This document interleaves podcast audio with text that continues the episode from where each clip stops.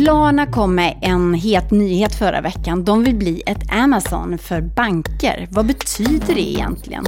Och så om det köttfria köttet, blodiga biffar på veganskt vis.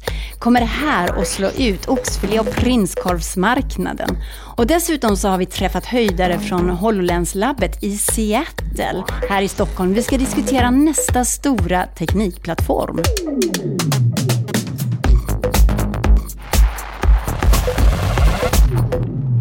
Välkomna ska ni vara till Breakits podcast. Jag heter Katarina Andersson och som vanligt ska vi spana om veckans spännande nyheter. Men först några kortnyheter. Kommer ni ihåg bitcoin? För ett drygt år sedan gick det inte att missa att kryptovalutor var på väg framåt. Sedan dess så har de fört en lite mer anonym tillvaro, men i veckan så skakade det plötsligt till i kryptovärlden. På tisdagsmorgonen steg plötsligt bitcoinkursen med 20 procent på kort tid.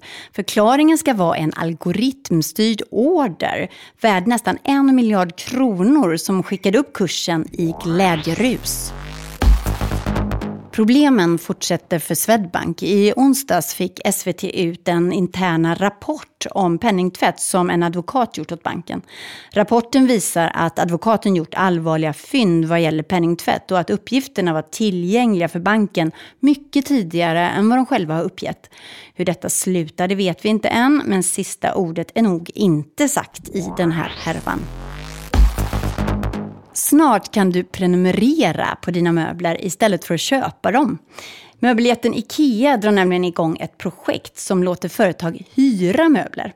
När hyresperioden är slut så kan IKEA ta tillbaka möblerna och laga dem och sen hyra ut dem igen.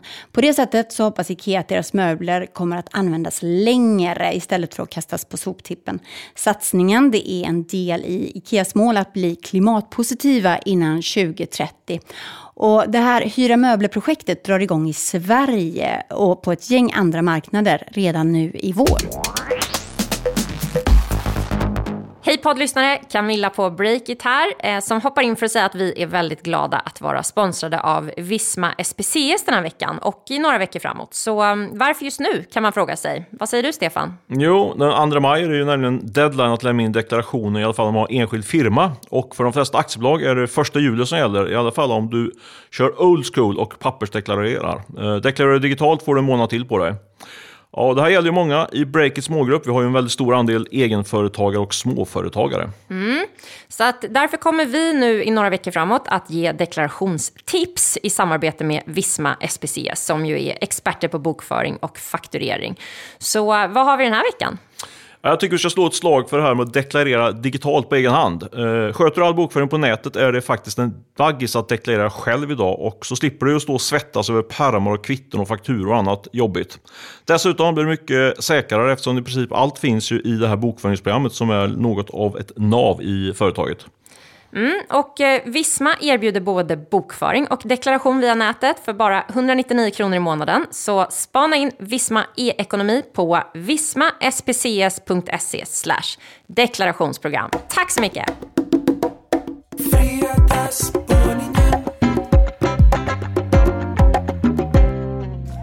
Knowing that I could pay for all of this later hmm, makes me so relaxed.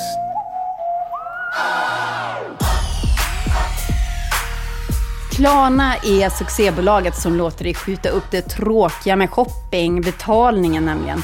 Nu sjösätter man nästa stora grej som ska göra bolaget till citat ett Amazon i bankvärlden citat.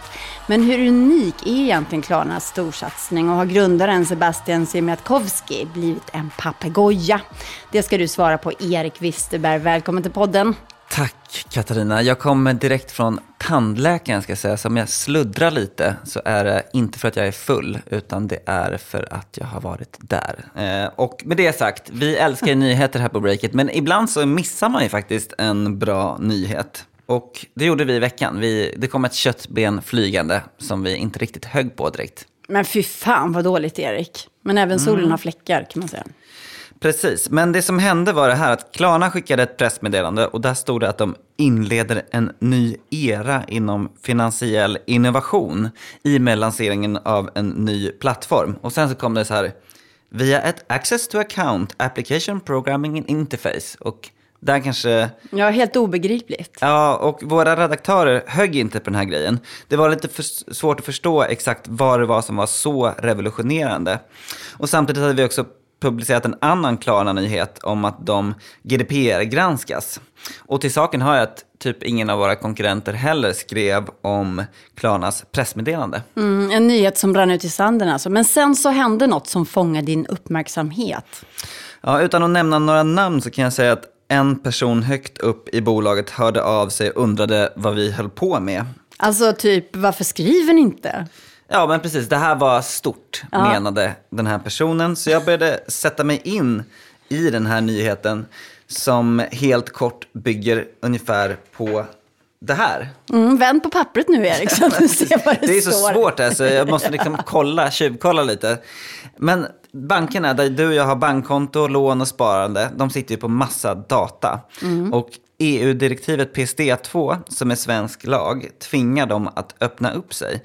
Och det här gör att uppstickare kan bygga tjänster, typ appar för privat ekonomi, på bankernas data. Och rent tekniskt så gör man det här via ett API. Jag hatar de här orden, de här förkortningarna. API, CRM och så. Jag tycker det är exkluderande.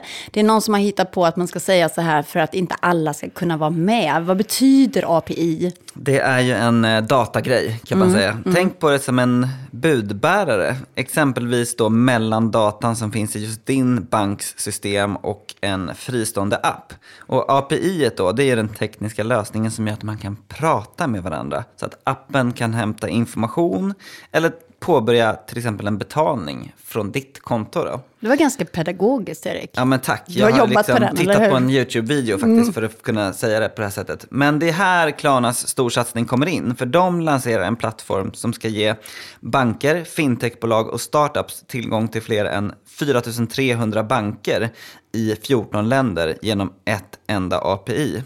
Så att om du då vill bygga en tjänst som till exempel kollar på kundernas bolån och ser om det går att pressa räntan, så kan du använda en sån plattform istället för att själv behöva liksom bygga integrationer med alla de här bankerna själv. Mm, jag börjar fatta lite smått, men eh, fortfarande så förstår jag inte vad är det som är den enorma grejen med det här då? Ja, men vi försökte som alltid eh, få höra nyheten direkt ur hästens mun. Så vi började söka Klarnas grundare Sebastian Siemiatkowski. Vi fick faktiskt ingen riktig intervju om det här för han var upptagen som vanligt. Men han berättade via sms och då kom det här citatet. Vi ska göra Klarna till ett Amazon i bankvärlden, skrev han. Han skrev det till dig. Men vill inte alla bli ett Amazon för de är extremt framgångsrika? Och så fattar jag inte om Klarna ska bli en e-handelsplattform. Är det det han menar? Nej, och här kommer väl lite mer folkbildning då. Att Amazons eh, stora kassako är ju inte e-handel, utan det är den delen som kallas för Amazon Web Services som drar in mest pengar.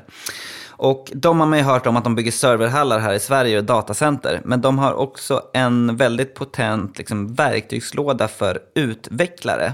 Och där i så finns det massa tjänster för artificiell intelligens, maskininlärning, AR, VR, bildigenkänning och massa mer. Det här är alltså superkomplicerade verktyg. Och eh, hur använder man dem?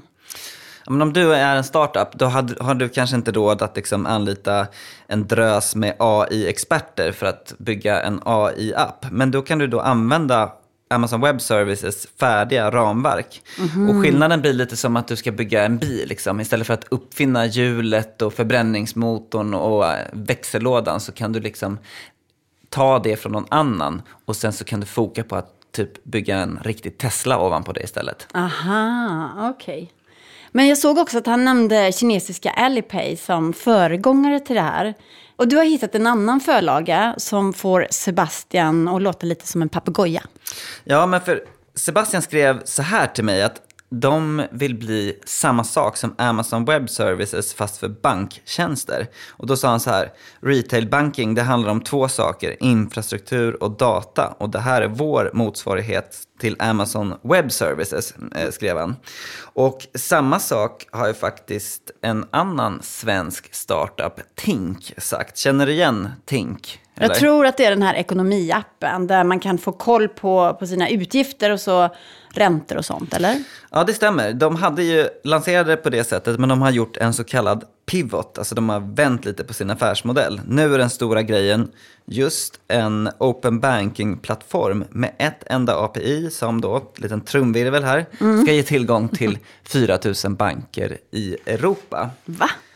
Precis, och den här lanserades för något år sedan och den har spelare som SE-banken, SBAB och Nordnet som kunder.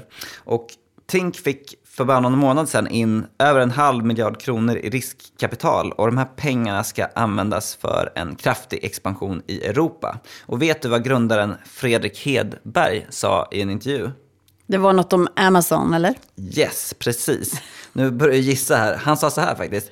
Vi vill bli vår industris motsvarighet till vad Amazon Web Services blivit på marknaden för molntjänster. Aha, så det är alltså precis samma beskrivning som Sebastian Siemiatkowski. Och eh, han låter ju lite som en papegoja nu när han använder det. Ja, precis. Alltså lite skämtsamt kan man ju säga så.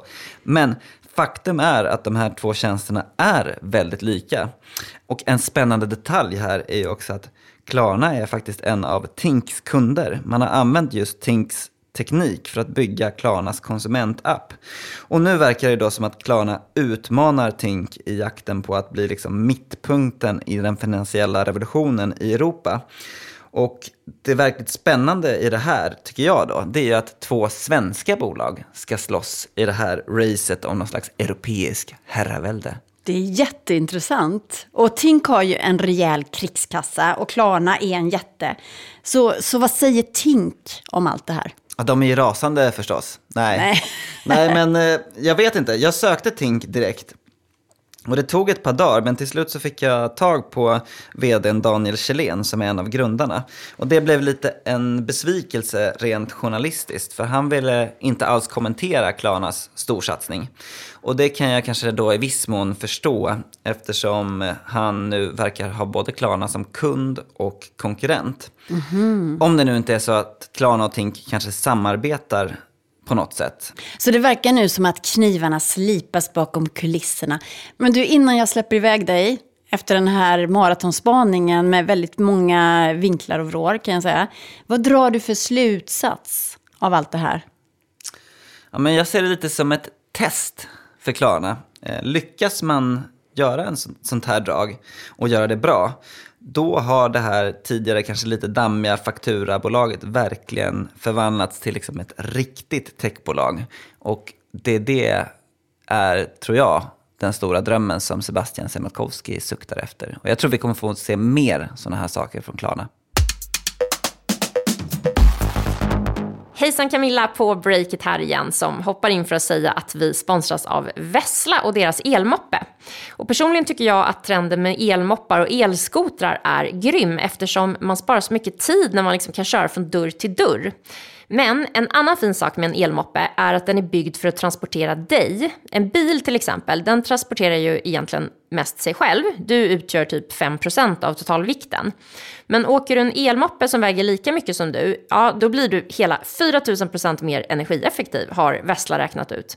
Så att just nu får ni som lyssnar 20% rabatt om du köper en Vessla. Det gäller fram till sista april. Gå in på vessla.se och använd koden POD20, alltså POD20. Tusen tack Vessla!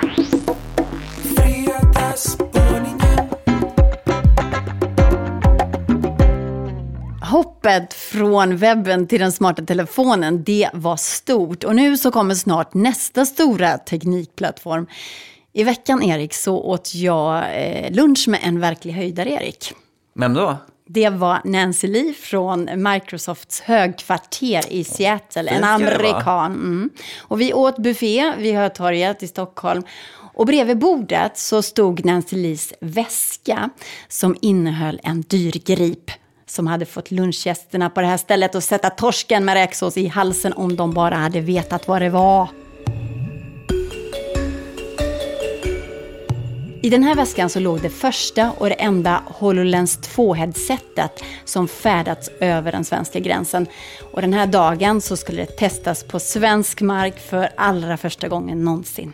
HoloLens, det är en sån där eh, mixed reality-hjälm eller så va? Mm, den där mm, tvåan, mm. den går inte att köpa i Sverige och vad kostar den? Typ 35 000 spänn eller? Ja, det var därför det var så unikt, den här tillställningen som jag var på då. Och, och, det bästa exemplet då, bara så att vi drar lite bakgrund på mixed reality, som de flesta känner till, det är ju Pokémon Go. Alltså att man, eh, man till skillnad från VR-glasögonen, där man är inlåst i den här VR-världen, så, så kan man ju då se både den verkliga verkligheten och en pålagd verklighet då, som de här Pokémon Go-figurerna. Du ja, spelade vem, säkert, jag vem lovar. Minns, vem minns inte sin första Pikachu? Men eh, den stora frågan Eh, är väl vad ni snackade om, du och Nancy Lee. Eh, som jag, hon är ju en av de som liksom är med och driver världens mixed reality-utveckling. Ja, vi pratar ju om den här nya stora teknikplattformen och hur den kommer förändra precis allt. För först hade vi ju vanliga datorer, en PC eller Mac. Och det var den första teknikplattformen. Och sen så fick vi de smarta telefonerna. Vi fick alltså bärbara datorer kan man säga, som man kunde springa omkring med. Och som var helt mobila. Det var stort. Ja, det var stort. Det var ett jättestort språng. Men nu så blir språnget ännu större, tror ju experterna. För nu kommer ju mixed reality snart. Och då blir liksom hela världen din dator. Alltså, vi behöver inga skärmar att titta ner i. För headset som den här HoloLensen, den gör liksom hela världen till din dator. Precis som att webben har blivit personaliserad, du har alltså ditt eget flöde av nyheter och information, så kan alltså din värld nu, Erik, bli det. Det låter som att du blev lite såld här av Nancy på den här lunchen. Ja, ja, hon beskrev det väldigt bra. För tänk ungefär så här att jag ska ta mig till tandläkaren härifrån då behöver jag ju inte veta en massa annat. Jag behöver ju inte se skyltar till Hötorget eller till Centralen. Utan eh, en HoloLens, med den på mig, så kan ju den peka ut vägen och pila ut den för mig. Alltså att man får en helt egen värld. Precis som att man har Google Maps på näthinnan. Snacka om filterbubblor. Kan man gå runt där i sin egen värld och bara se det man själv vill se, typ? Eller? Men eh, den här nya tekniken för den också med sig kanske nya affärsmöjligheter för nya spelare? Ja, racet är ju redan igång, sa Nancy Lee. Och det som förvånar mig mest när vi satt här och snackade, det var att hon sa att redan inom 6 till 8 år så kommer det här hända. Alltså vi kommer kasta våra skärmar och så kommer vi gå omkring då i HoloLens typ mixed reality-glasögon. Inte de här stora headseten då som ser ut lite som hjälmar, utan de kommer ha blivit väldigt mycket mindre då som vanliga glasögon. Men det tidsperspektivet det fascinerar mig, Erik. 6 till 8 år.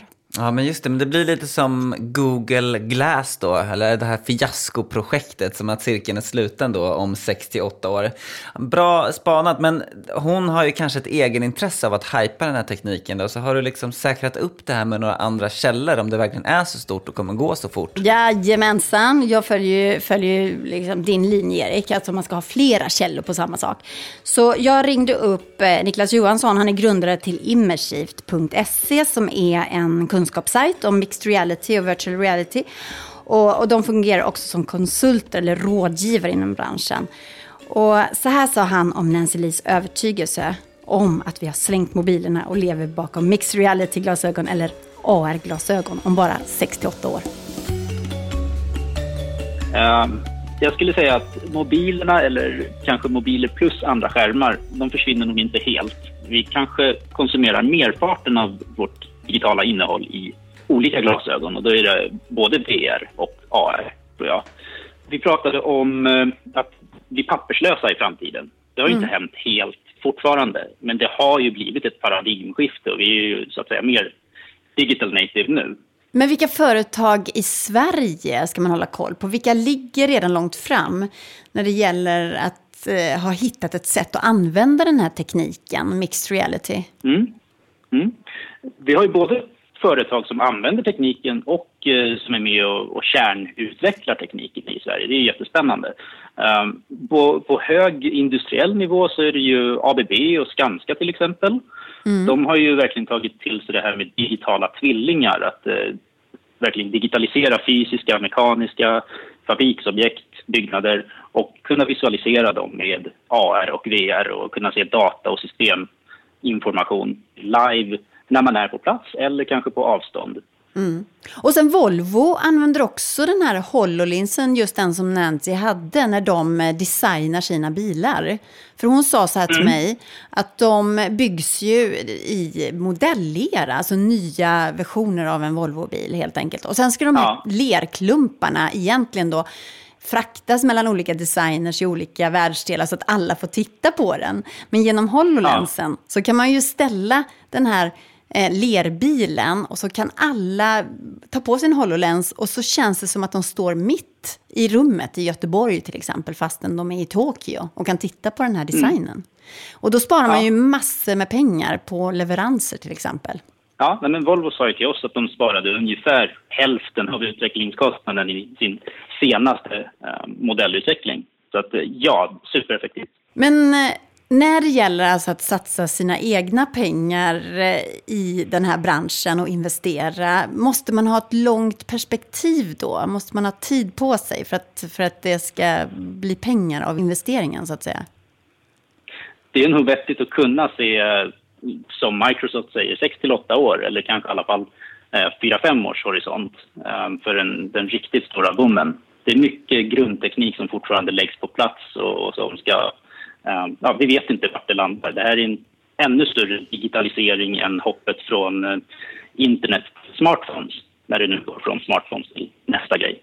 Det, det, blir mer och mer spännande. Och eh, Sverige borde verkligen ta lead i det här. Apropå att investera. Efter att vi har haft designundret i Sverige från H&M och Ikea och sen vidare till musikundret och spelundret och tech finns det inget annat än en rak linje som pekar mot att vi kommer ha VR, AR-undret från Sverige. Det säger Niklas Johansson som är grundare till sajten immersivt.se. Tack för att du var med. Tack själv. Hej! Det här är Diana, marknadskoordinator på Breakit, som vill berätta att vi även sponsras av Confetti. Ett grymt eventverktyg där man enkelt kan bygga snygga eventsidor och sälja biljetter. Vi på Breakits eventavdelning använder ju själva Confetti för alla våra event och har faktiskt gjort det sedan start. Vi gjorde alldeles nyligen en marknadsanalys och landade i att konfetti var både bäst och mest prisvärt för våra behov. Det är kul och enkelt att jobba med, man blir peppad varje gång man ser att man har sålt en biljett och framförallt får man utan tvekan den snyggaste eventsidan för besökarna, vilket ju säljer fler biljetter. Så tack konfetti!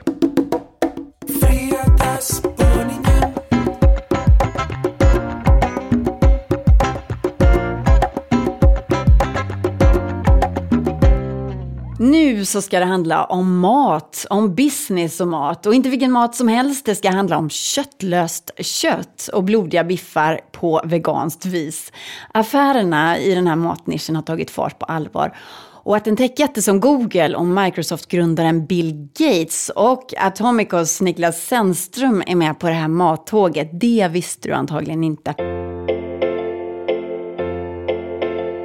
Det här började egentligen med att Stefan Lundell, eh, en av våra grundare här på Breakit, han kom in i eh, köket här på vårt eh, nya kontor mm. och eh, berättade att han hade ätit en vegetarisk kötthamburgare. Hade han varit och lunchat med någon höjdare inom näringslivet då? Precis, mm. en av de här berömda luncherna som man brukar ha. Mm, mm, Men den här gången så var det mer själva maten han pratade om då än skvallret som han hade hört på lunchen, eller? Ja, precis, lite både och. De åt en sån här eh, hamburgare utan kött, en vegetarisk hamburgare mm. som försöker låtsas vara kött då. Och eh, jag var inte där så jag vet inte hur samtalet gick. Men det mynnade i alla fall ut att det här var en av de hetaste trenderna just nu. Mm. Och det tänkte jag så här att jag ville vara som Stefan, väldigt trendkänslig. Eh, så då tog jag med mig två, två av mina kollegor här, Erik eh, och Johanna härifrån Breakit och letade upp en sån här hamburgare. Vi kan lyssna på hur det lät. En vegansk va? Nej, vi kör, vi kör med... Vart var det ni gick då? Gick ni långt härifrån eller? Ja, det var ett ställe på Stureplan en bit. det tog en stund innan vi hittade det. Men, eh, men eh, det är en av de mer kända så här, fina hamburgerställena i Stockholm. Ja, nu har vi fått in de här. Var det lång kö?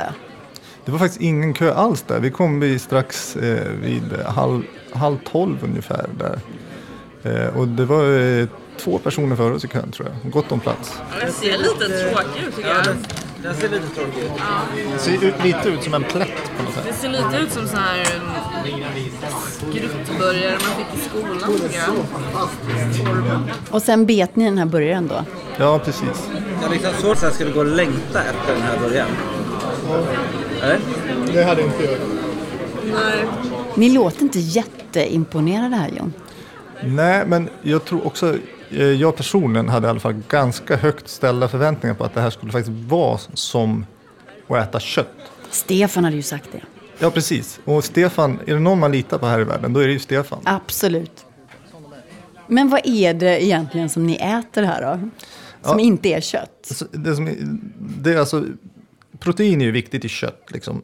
Och eh, i den här kommer då det från ärtor, men så finns det också eh, bland annat rapsolja, kokosolja, cellulosa från bambu. Bambu kan man använda till allt möjligt. Jag har strumpor som är Det gjorda är i ju bambu. trä ju. Ja, potatisstärkelser och så kryddor då. Men smakar det här kött någonstans?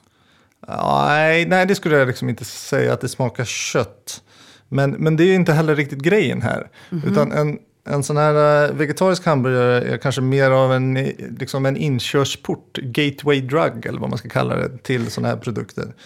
Och där kanske du sett liksom, i din eh, matbutik liksom, att det poppar ju upp såna här eh, grejer överallt. Ja, de har egna frysdiskar med sådana här prylar, vegoprodukter, eller hur? och vegofärs och allt möjligt.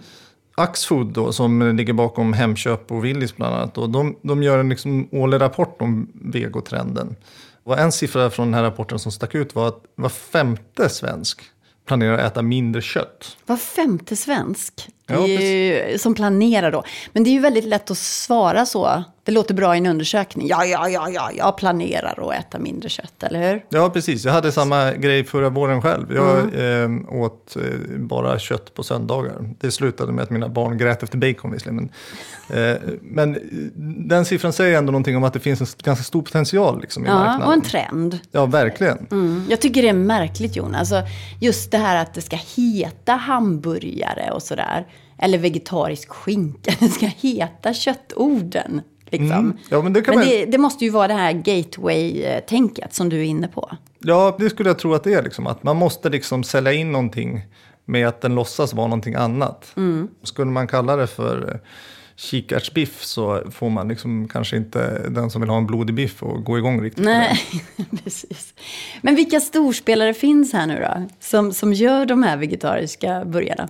Ja, om man tittar liksom internationellt, då finns det två riktigt stora spelare. Då finns ett som heter Impossible Foods. De gör en som kallas en blodig burgare. Mm.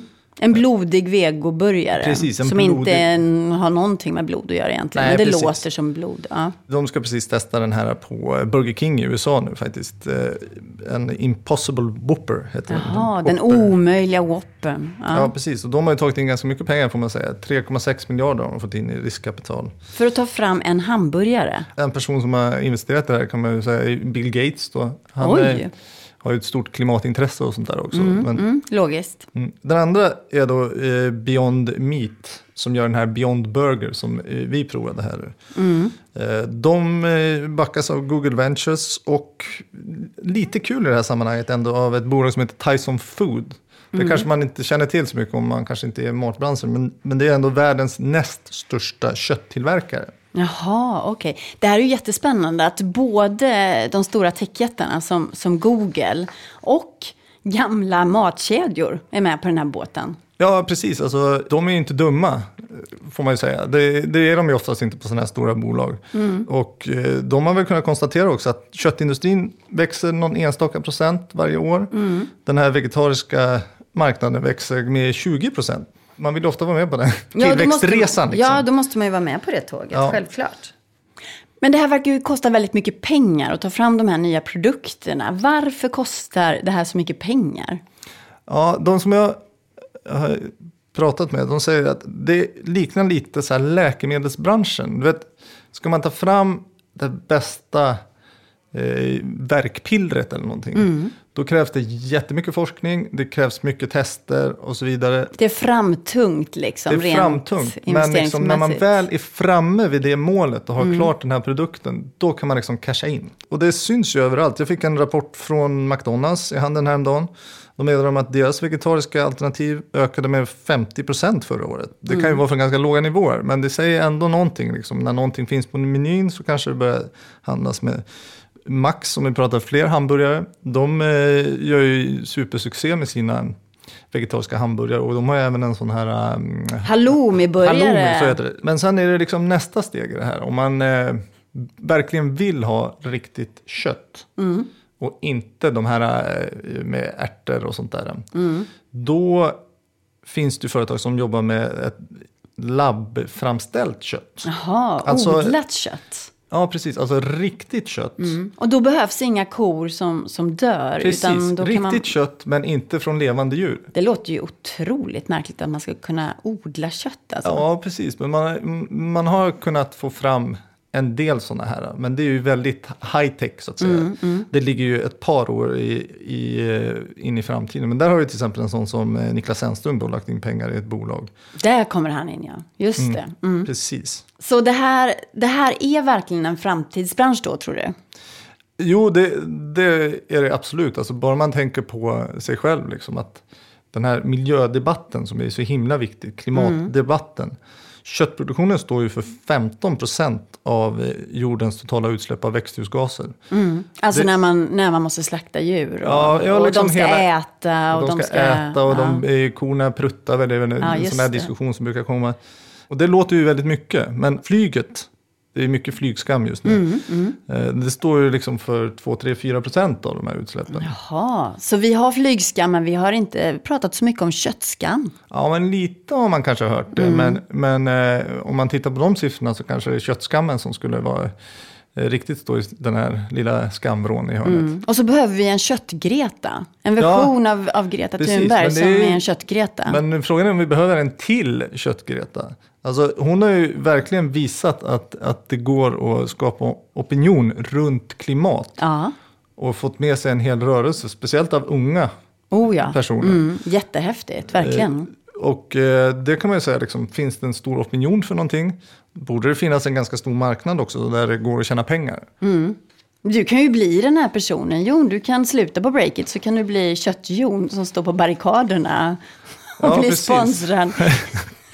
Men, men som, jag, eh, som jag sa också så är jag mer intresserad av att äta än att Ja, laga just kanske. just det. Men Okej. det, fi- det finns ju ytterligare en aspekt i det här. Eh, Den här spaningen tar aldrig slut. Den Det finns aldrig hur slut. mycket Du som säger- helst att prata ja, om. Du Ja. får inte släppa, släppa in mig här, då kommer jag aldrig ut. Nej, men det som är utmaningen för att fånga de här andra, de som vill ha sin blodiga biff, på, det är ju att komma förbi den här kritiska punkten där de här andra alternativen, eh, som inte är kött då, blir så pass bra och så pass goda att man liksom inte behöver göra något avkall eh, genom att välja bort köttet. Förstår du? Jag menar att, att eh, det liksom inte blir en uppoffring. Man, man tänker liksom inte ens på det. Att, ungefär som att man inte röker inne på krogen längre. Det, är Just ingen, det. eh, det, är ingen som, det gick ju jättefort innan man insåg att det är helt galet att man skulle, att man skulle röka här inne. Men eh, efter att ha provat den här början då och eh, även ha provat en del andra produkter så tycker jag liksom inte att eh, vi riktigt är liksom där ännu. Men om man lyckas med det, då skulle man kunna liksom kapa köttmarknaden, åtminstone i hälften. Liksom. Du Jon, vilken spaning.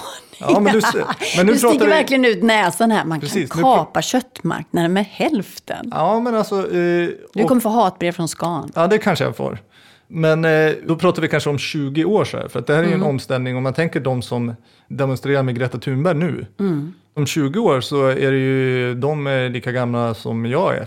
Och det är de som bestämmer vad som ska ätas i hemmet. Liksom. Då är du illa ute Jon. Det blir inga blodiga biffar till dig. Precis. Så eh, det- det är ju liksom en lång tid, men de som liksom eh, puttar in pengar i det här nu, om de bara är uthålliga, då kommer de casha in ordentligt i slutändan. Ett investerartips från Jon Wahlqvist.